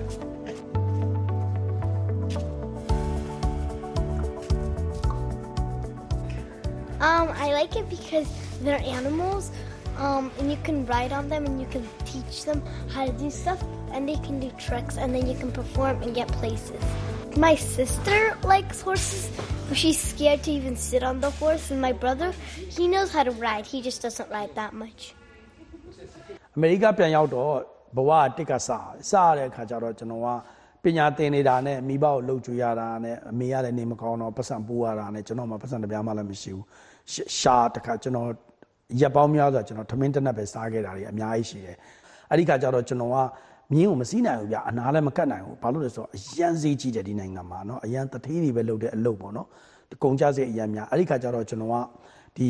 ရှင်းနေဖြစ်တော့မှငါစူးစမ်းမယ်ရှင်းနေဖြစ်သွားရင်ငါဝင်ငွေကောင်းကောင်းရရင်ငါမြင်းကိုပြန်စည်းမယ်ဆိုတော့ကျွန်တော်ရှင်းနေဖြစ်ပြီးနှစ်နှစ်ပေါ့ပထမတစ်နှစ်မှာကျွန်တော်ရှင်းနေရဲ့ အာဒီဒီကျွန်တော် loss ကျွန်တော်ပညာရေးရဲ့အကျွေးကဒေါ်လာ3သိန်းပေါ့အကျွေးတက်တယ် Welcome to Marlboro ပေါ့ရိုက်ထားပထမတစ်နှစ်အတွင်းမှာကျွန်တော်8ဒေါ်လာ3သိန်းလုံးကိုတစ်ခါလေးဆိုင်တယ်တစ်ခါလေးကျွန်တော် base အကျွေးကိုချက်ချင်း sub လိုက်တယ်ကျွန်တော်ဘာလို့ဆိုတော့ကျွန်တော်အကျွေးမရှိအကျွေးရှိတဲ့လူသားမျိုးတွေမှာကျွန်တော်မပါခြင်းဆိုတော့ကျွန်တော်အဲ့အကျွေး3သိန်းကိုကျွန်တော်ဆက်လိုက်တယ်ဒုတိယနှစ်ကျတော့ကျွန်တော်ပတ်စံစဆူတယ်စဆူတဲ့အချိန်မှာကျွန်တော်စုပြီးတော့ကျွန်တော်မြင်းပြန်စီးမယ်ဆိုပြီးကျွန်တော်အဲ့မှာမြင်းမှာသွားပြီးတော့ပြန် join လုပ်တယ်ပေါ့မြင်း club မှာလက်ဆောင်ပေးတာစပိန်သွားတော့ ဒါကျွန်တော် Spanish ရဲ့မြင်းရိုးရာမှာသူတို့ကအလှဆင်တဲ့ဥစ္စာပါဗျာ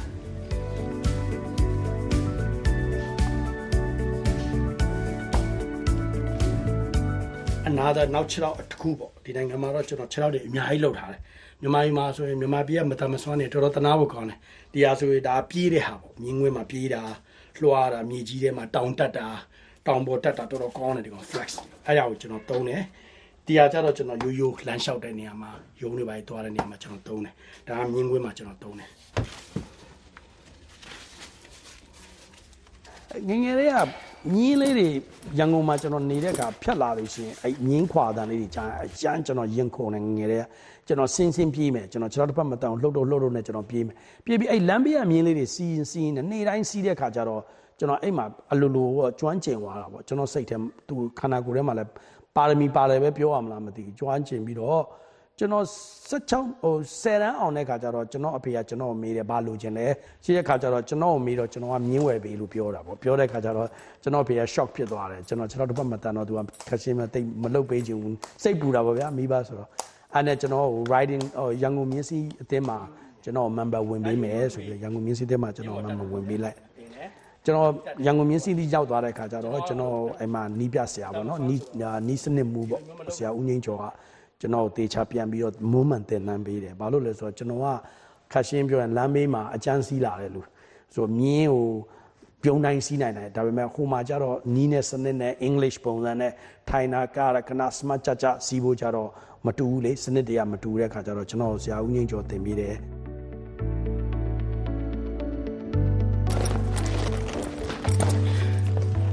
အဲ့တော့မျိုးတက်တယ်ကျွန်တော်ဘယ်တော့မှမြင်းကိုခုံနဲ့မတက်ဘူးကျွန်တော်ခတ်တဲ့လို့ပဲလုပ်တယ်လွယ်တဲ့လို့မလုပ်ဘဝမှာလွယ်တဲ့လို့လုပ်လိုက်ရင်ငပြင်းဖြစ်လာအဲ့တော့ကိုကကိုကိုကိုဘဝကိုခန့်အောင်လုပ်တာဆိုတော့ဘယ်ဘယ်လိုအခြေအနေမျိုးပဲပဲကြုံဝကြုံဝမိမိဘဝ challenge ကို ready ဖြစ်တာပါဗျာဆရာပြောတဲ့စကားတစ်ခုရှိတယ်မင်းကမင်းကငါတို့က မင်းမြင်းနဲ့မြင်းနဲ့လူနဲ့အရန်တဟဇာတာဖြစ်တယ်ပေါ့အဲ့ဒီပညာတစ်ခုကတင်ပြလို့တင်လို့မရအောင်ပေါ့လူတယောက်ကိုဒါပေမဲ့ငါတို့မင်းကိုစနစ်တော့တင်ပေးမယ်ဘယ်လိုထားရတယ်ဘယ်လိုကြိုးကန်ရတယ်စနစ်တင်ပေးမယ်ဒါပေမဲ့မြင်းနဲ့လူနဲ့တဟဇာတာပိုဖြစ်တာမိမိရဲ့စိတ်ထဲမှာပါမှရတာမိမိရဲ့ originally ကျွမ်းကျင်မှရတယ်ပေါ့ဒါမင်းမှရှိတယ်ပေါ့အဲ့တော့ဒါပေမဲ့ဒါမင်းအနေနဲ့ပို့ပြီးလှအောင်ကြိုးစားပေါ့မြင်းရဲ့မြင်းစည်းတဲ့ခါမှာ smart ကြကြဖြစ်အောင်လုပ်ပေါ့ကျွန်တော်တို့ရန်ကုန်မြင်းစည်းတင်ကိုရန်ကုန်တိုင်း အာရန်ကုန်တိုင်းအတင်းကကျွန်တော်လက်ရွေးစင်အနေနဲ့ရွေးချယ်လိုက်တယ်ဘာလို့ကျွန်တော်နိုင်တာတွေအများကြီးပဲဆိုတော့ရန်ကုန်တိုင်းအဲ့တုန်းကပြည်နယ်နဲ့တိုင်းပေါင်းစုံမှာရန်ကုန်တိုင်းကအရွေးခံရတယ်ဆိုအရန်ကုန်ရှိတယ်ဘာလို့ဆိုတော့ငွေကြီးလည်းအများကြီးပေးတယ်ထောက်ပံ့ကြီးတွေအများကြီးပေးတယ်နောက်ပြီးသူတို့ကအတော်ဆုံးတွေပဲရွေးတယ်ဘာလို့ဆိုရန်ကုန်တိုင်းဆိုတော့လေဆိုတော့ကျွန်တော်ချိန်နှင်းခွင့်မတုံးတော့ဘူး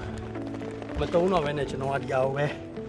နည်းနည်းဆွတ်ထားတဲ့သဘောလေးပဲပေါ့ဟိုတကယ်ပြုတ်ကြမယ်ဆိုတော့ကျွန်တော်ပြုတ်ကြသွားနိုင်တယ် ဒါပေမဲ့နည်းနည်းလေးကိုယ်နည်းနည်းလေးထိမ့်မိတာတဲ့သဘောတကယ်ဖြစ်လာပြီဆိုတော့ slide ဖြစ်ပြီးကျွန်တော်ပြုတ်ကြနိုင်တယ်ဟိုချိန်နှင်းခွင့်လိုမျိုးအားကိုးလို့တော့မရဘူးဒါကျွန်တော်တက်ဒီဟာကြတော့ခြေထောက်နဲ့ဖြီးတဲ့အခါမျိုးကိုရှုတဲ့အခါ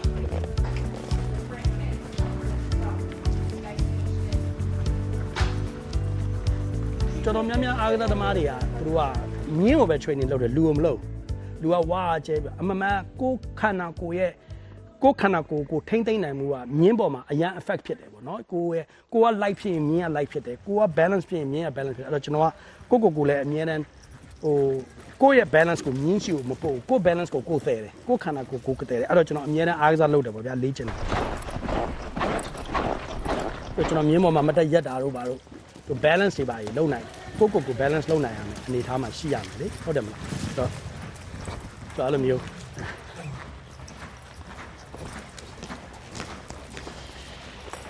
ဆိုမြင်းကလည်းကျွန်တော်ဘာပဲလှုပ်လှုပ်လက်ခံတဲ့ဟာမျိုးဖြစ်ရမယ်မြင်းပေါ်မှာအတက်ဆင်းရစကိုကမြင်းကမလှုပ်သွားရဘူးကိုလှုပ်မယ်ဆိုရင်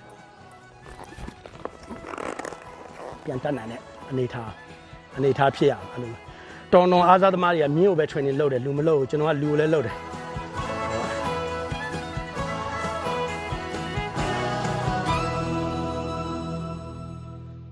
မတန်ဆွမ်း မြင်းစည်းချန်ပီယံ ကိုနိုင်လက်ဝင်းကိုမိတ်ကိုအောင်ကဟိုကိုယ်တိုင်သွားပြီးတော့တွေ့ဆုံပြီးတော့မေးမြန်းခဲ့တဲ့ သုတဆုံလေးအမေရိကန်တခွင် အစီအစဉ်ပါရှင်အခုဆက်ပြီးတော့သိပ္ပံနဲ့ နည်းပညာကဏ္ဍကို တင်ဆက်ပေးခြင်းပါတယ် ဘက်ထရီသတ္ထု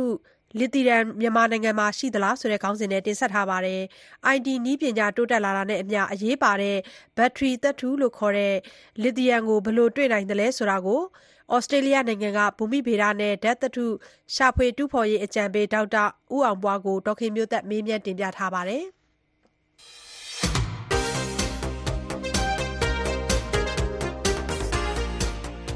ကမ္ဘာပေါ်မှာဆိုလို့ရှိရင်လစ်သီယမ်ကိုလူတွေက အထူးစိတ်ဝင်စားနေကြပါတယ်ဆရာ IT နည်းပညာတိုးတက်လာတာနဲ့အမျှပေါ့နော်လစ်သီယမ်ကိုလူတွေက အရန်လိုလာကြပါတယ် ဗမာပြည်မှာကကြတော့ တခြား တတုတယံဇာတတွေအများကြီးတွေ့ပါတယ်ဆရာဒါပေမဲ့လို့လစ်သီယမ်ကိုတူးတာမတွေ့သေးပါဘူးဆရာဆိုတော့မြန်မာနိုင်ငံမှာလစ်သီယမ်တတုရှိပါသလားဆရာ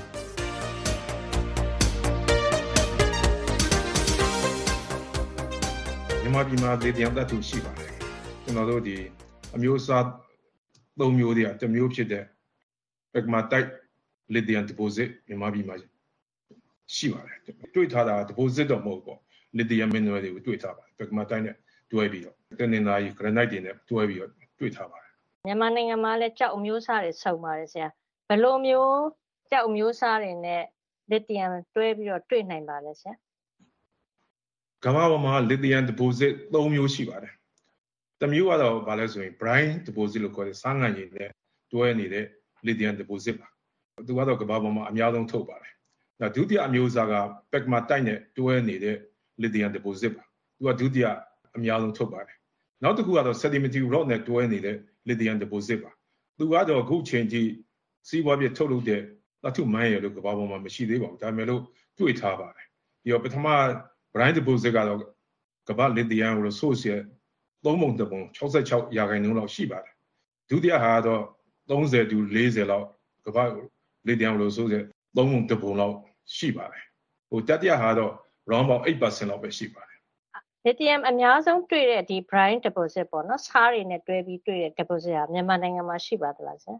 အဲ့ဒါတော့ big question ပဲကျွန်တော်တို့ဒီ brine deposit ဘယ်လိုဖြစ်ပေါ်လာလဲသူ့ရဲ့အခြေအနေကဘယ်လိုလဲဆိုတဲ့ဟာအဓိကအပြင်အဲ့ deposit တွေကကျွန်တော်တို့တောင်အမေရိကတိုက်မှာရှိတဲ့ချီလီဘိုလီဗီးယားနောက်ပြီးအာဂျင်တီးနာဒီသုံးဝင်ဆိုင်ဒီနိုင်ငံတွေသူတို့က lithium triangle လို့ခေါ်ပါတယ်အဲ့ဒီကနေအဓိကထွက်တာပါသူက ဟိုကမ္ဘာမှာအကြီးမားဆုံး all result all resources ဖြစ်ပါတယ် lithium အဲ့တော့သူတို့တွေဘလို့ဖြစ်လာလဲဆိုတဲ့ဟာ condition ကဘာတွေရှိလဲဆိုရင်နံပါတ်1 lithium brine deposit ဖြစ်ဖို့ကကျွန်တော်တို့ arid climate ပူပြင်း6သွေးတဲ့ရာသီဥတုရှိရမယ်နံပါတ်2ကဒီ close basin ဆိုတဲ့ထွက်ပေါက်မရှိတဲ့ basin lake တွေတို့အင်းတွေတို့အဲ့လိုကြောက် depression ဖြစ်နေတဲ့အဲ့ဒီမြေနေပိုင်းတွေရှိနေရမယ် နံပါတ်3ကဘာလဲဆိုရင်အဲ့ဒီပတ်ဝန်းကျင်မှာ lithium ကိုပေးနိုင်တဲ့ source ကြောက်တရားရှိနေရမယ်နောက်တစ်ခါအဲ့ညမှာရှိတဲ့ igneous activity hydrothermal activity နောက် volcanic activity အဲ့ဒါမျိုးတွေလည်းရှိနေရမယ်မီးတင်ကြောက်ဟုတ်ကဲ့မီးတင်ကြောက်အဲ့လို condition မျိုးတွေရှိလာနိုင်တယ်ဆိုလို့ရှိရင်အဲ့ lithium deposit ရှိရှိတယ်လို့သူတို့ယူဆဒီမြန်မာပြည်ကိုကြည့်မယ်ဆိုရင်ကျွန်တော်တို့ဒီ lithium brine deposit ကိုဘလူးမှလည်းမလုပ်ဘူးဘလူးမှလည်းမသိကြသေးဘူးမြန်မာပြည်နေတဲ့ဆိုရင်ကျွန်တော်တို့အနေနဲ့ ဒီရှိနိုင်မရှိနိုင်ကိုဒီပြည်နိုင်ငံတွေမှာရှိတဲ့ lithium deposit တွေပေါ်မူတည်ပြီးလေ့လာကြည့်မယ်ဆိုရင်မြန်မာပြည်အလယ်ပိုင်းဟာမိုးခေါင်ရေချာအင်မနမဟိုပေါ်6တွေ့တဲ့ပူပြင်းတဲ့ရာသီဥတုရှိတယ်အဲ့ဒီပတ်ဝန်းကျင်မှာကျွန်တော်သိရတော့ဒီရေအိုင်တွေရေဥစ္စာရေကန်ကြီးတွေ close basin သဘောမျိုးတွေရှိတယ်လို့ကျွန်တော်ယူဆတယ်အဲ့ဒီနေရာမှာရေတွင်းတွေတူးတဲ့အခါမှာတချို့နေရာတွေကဆန်းငံရေရှိတယ်လို့အငံဓာတ်ပါတဲ့ရေတွေ underground water တွေကိုတွေ့ရတယ်နောက်တစ်ခုက igneous activity hydrothermal activity ကိုကျွန်တော်တို့ဘယ်ညာတွေ့လဲမြန်မာပြည်အလယ်ပိုင်းမှာတောက်လျှောက်ဖြစ်နေတဲ့ volcanic belt ပေါ့လေကျွန်တော်တို့ဒီပုပ်ပါမုံရွာနောက်ပြီးတော့ calling window နောက်ပြီးတော့ကျွန်တော်တို့တောင်ဘက်ကိုသွားရင်မဆိုရင်ကိုရိုးမှအထိဒီမိသိန်းကြောက်တွေကရှိနေတယ်ဒီအခြေအနေကိုကြည်ချင်းအပြင် lithium brine deposit ဟာ possibility ဖြစ်ကောင်းဖြစ်နိုင်တယ်ဒီတော့ဘာလို့ရမလဲဆိုရှင်အဲ့ဒီမှာရှိတဲ့မိုးခေါင်ရေချဒေသမှာရှိတဲ့ဟာဒီဒီအနာကောင်းရေတွင်းတွေရေကန်တွေကို lithium content ရှိလားမရှိဘူးလားဒါတွေကိုကျွန်တော်လေ့လာသင့်တယ်နောက်တစ်ခုကတချို့ iron တွေအင်းတွေထဲမှာလည်းပဲဒီလိုမျိုး sediment ရောရေတွေရောဒီ lithium ကိုကျွန်တော်တို့စမ်းသပ်သင့်တယ်တချို့နေရာတွေမှာတော့ဟိုနှစ်ပေါင်းများစွာကြာပြီးဖြစ်တဲ့အတွက်ကြောင့်ဒီအင်းတွေလိတ်တွေကအနယ်တွေနဲ့သဲတွေနဲ့အဲ့လိုပြည့်သွားတဲ့ plane ကြီးတွေပေါ့လေအဲ့လိုဟာမျိုးတွေမှာလည်းပဲကျွန်တော်တို့ဒီမြေစီလွာနမူနာတွေကိုယူပြီးတော့မှလီသီယမ်ကိုစမ်းသပ်ခြင်းအပြင် ဒီအလဲပိုင်းမှာ brine deposit ရှိနိုင်မရှိနိုင်ကိုသိနိုင်လိမ့်မယ်လို့ကျွန်တော်ယူဆပါတယ်။ဟုတ်ကဲ့ပါဆရာ။ဒီမီးတင်ကြောက်နဲ့အနေကျကြောက်တွေမှာတွေ့ရဆိုတော့မြန်မာနိုင်ငံကမီးတင်ကြောက်ကောအနေကျကြောက်ကောသူ့နေရာနဲ့သူအများတော်တော်များများရှိပါတယ်ဆရာ။ဆိုတော့ဆရာပြောတဲ့ဒုတိယအများဆုံးတွေ့တဲ့ဒီမီးတင်ကြောက်နဲ့တွဲပြီးတော့တွေ့နိုင်တဲ့လစ်တီယမ်မျိုးရောမြန်မာနိုင်ငံမှာဘယ်နေရာတွေမှာရှိနိုင်ပါလဲဆရာ။အော်မီးတင်ကြောက်မှာတော့အဓိကအပြင်ဟို pegmatite လို့ခေါ်တဲ့ကြောင်းနဲ့တွဲတွေ့တဲ့ lithium deposit ပါဒါကကမ္ဘာပေါ်မှာဒုတိယအများဆုံးပါ pegmatite ဆိုတော့ granite နဲ့ကျွန်တော် composition တူတဲ့ဒါမျိုးလို့သူ့ရမှာပါဝင်တဲ့တွင်းထွက်တွေက quartz တွေတို့ feldspar တွေတို့ mica တွေတို့သူတို့ရ grain size ကြီးတယ်မြန်မာပြည်မှာဒီလို pegmatite တွေကတော်တော်များများရှိတယ် lepidolite ဆိုတဲ့ lithium တွင်းထွက်ဒီ pegmatite ထေထဲမှာရှိတယ်ဆိုတဲ့အကြောင်းကိုကျွန်တော်တို့သိခဲ့ရတယ်။ညာတော့အဖြစ်မိုးကုတ်ပတ်ဝန်းကျင်ရင်းမာပင်နောက်ပြီးပြက်ခွေအဲ့တောင်တွေမှာဒီတော့ pegmatite deposit တွေ ရှိနိုင်တာကတော့မြန်မာပြည်ရဲ့တနင်္လာရီကမ်းမြောင်ဒေသအနေပြီးတော့မှနောက်ဘက်ကိုဆက်ပြီးသွားမယ်ဆိုရင်ကျွန်တော်စစ်တောင်းမြစ်တစ်လျှောက်နောက်ပြီးတောင်ကူတို့ရမဲသိန်းပြင်းမနာပျော်ပွဲညောသားစီကျွန်တော်ကြောက်စဲမန္တလေးနောက်မိုးကုတ်မိုးမေအဲ့လောက်ထိကျွန်တော်တို့ဒီ granite တန်းကြီးရှိပါတယ်ဒါ central granite ဘက်ပါအဲ့ဒီ granite ထဲမှာ pegmatite နဲ့တွဲနေတာတွေကိုရှိတွေ့ရတယ်အသေးစိတ်လေးလာမှုတွေကိုကြည့်မယ်ဆိုရင်အဲတင်းတန်စင် deposit တွေရဲ့ကိုအောင်မှုက ဒီ granite တွေထဲမှာရော quartz vein တွေမှာရော pegmatite တွေထဲမှာရောခိုးအောင်နေတာကိုတွေ့ရတယ်အဲ့တောက်လျှောက်ကကျွန်တော်တို့ pegmatite ကြောက်တွေဟာဒီ granite တွေမှာတိုးဝင်တာတွေနောက်ပြီး metal sediment လို့ခေါ်တဲ့အနီးနားက sediment ကြောက်တွေတွေကိုတိုးဝင်တာတွေကအဲ့တောက်လျှောက်မှာရှိပါတယ်ထို့အတူပဲမြန်မာပြည်ရဲ့အရှိဘက်မှာကျွန်တော်တို့ unknown ပေါ့သိတော့မသိသေးဘူးအဲ့မှာအရှိဘက် granite ဘက်ဒီတစ်ခုရှိတယ်အဲ့မှာဆိုရင်ဝါနယ်တွေမှာတင်းတန်စင်တွေ့တာကြည့်ချင်းအပြင်အဲ့ဒီဘက်မှာလည်းပဲကျွန်တော်တို့ဒီ pegmatite ဓာတ်တွေဘယ်မှာတိုက်ကြောက်တွေရှိနိုင်လိမ့်မယ်လို့ကျွန်တော်နေယူဆပါတယ်အသေးစိတ်လေ့လာပြီးတော့မှဒီလစ်သီယမ်ပါမပါကျွန်တော်တို့ရှာဖွေလေ့လာသင့်ပါတယ်ဟုတ်ကဲ့ပါဆရာနောက်တတိယအမျိုးအစားပေါ့နော်အနေကျကြောက်နေနဲ့တွဲတာအောင်ဆရာအနေကျကြောက်ကတော့အဓိကအပြင်ကလေးထဲမှာတွေ့ထားပါတယ်စမတိုက်လို့ခေါ်တဲ့ clay mineral ထဲမှာတွေ့ထားတယ်နောက်တစ်ခုက elite လို့ဆိုတဲ့အားထဲမှာလည်းတွေ့ထားတယ်သူကတော့အခုလုံးလုံးစေတော့တွေ့တာပဲရှိသေးတယ်ထုတ်လုပ်မှုကမရှိသေးပါဘူးဟုတ်ကဲ့ပါ အဲ့တော့မြန်မာနိုင်ငံကလစ်သီယမ်တွေ့နိုင်တဲ့အလားအလာရှိတယ်ပေါ့နော်ဆရာတွေ့ရှိနိုင်လိမ့်မယ်လို့ကျွန်တော်နေယုံကြည်ပါတယ်ဒါကြီးတနင်္လာရီကမ်းမြောင်ဒေသတောက်လျှောက်ပေါ့လေအဲ့ဒီမြန်မာပြည်အရှိဘက်အဲ့ညာတွေမှာ pegmatite deposit တွေကိုရှာဖွေရင်တွေ့လိမ့်မယ်လို့ကျွန်တော်ယုံကြည်ပါတယ်ဒေါက်တာဦးအောင်ဘွားရဲ့ပြောကြားချက်နဲ့ပဲဒီသတင်းဖတ်တဲ့သိပ္ပံနဲ့နည်းပညာကဏ္ဍကိုဒီမှာပဲညှနာလိုက်ပါရစေနောက်တစ်ပတ်မှာပြန်ပြီးဆုံ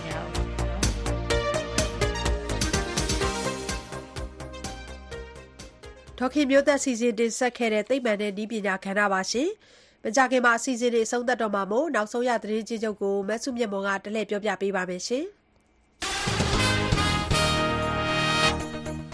ရုရှားချင်းတောင်ထဲမှာလွန်ခဲ့တဲ့သတင်းနှစ်ပတ်ကသေဆုံးသွားတဲ့ရုရှားအတိုက်ခံခေါင်းဆောင် Alexei Navalny ရဲ့ဒီအသုဘအခမ်းအနားကိုမိသားစုကဒီကနေ့မော်စကိုမြို့တော်မှာကျင်းပခဲ့ပါတယ်။ အသုဘခန္ဓာကျင်းပတဲ့ ဘုရားရှိခိုးကျောင်းအပြင်မှာရော သူ့ရဲ့ရုပ်အလောင်းကို မြုပ်နှံတဲ့တင်းချိုင်းအပြင်မှာပါ လုံခြုံရေးတွေကိုအထူးထပ်ချထားတဲ့ကြားက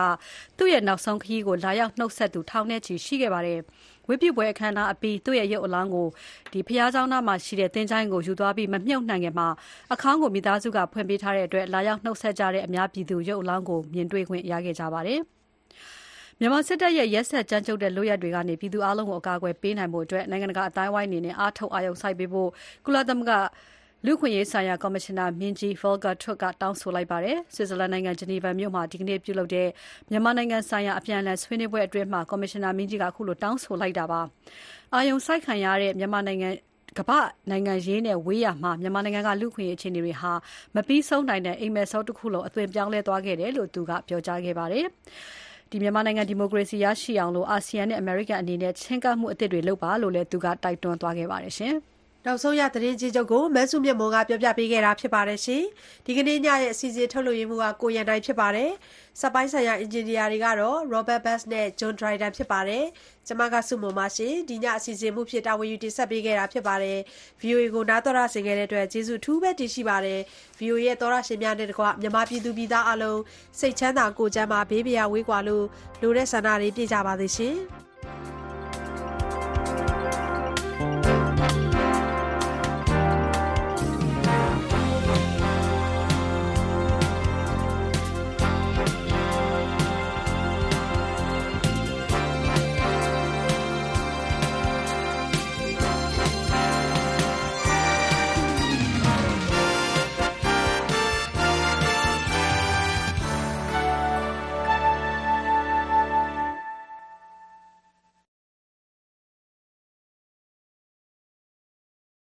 This program has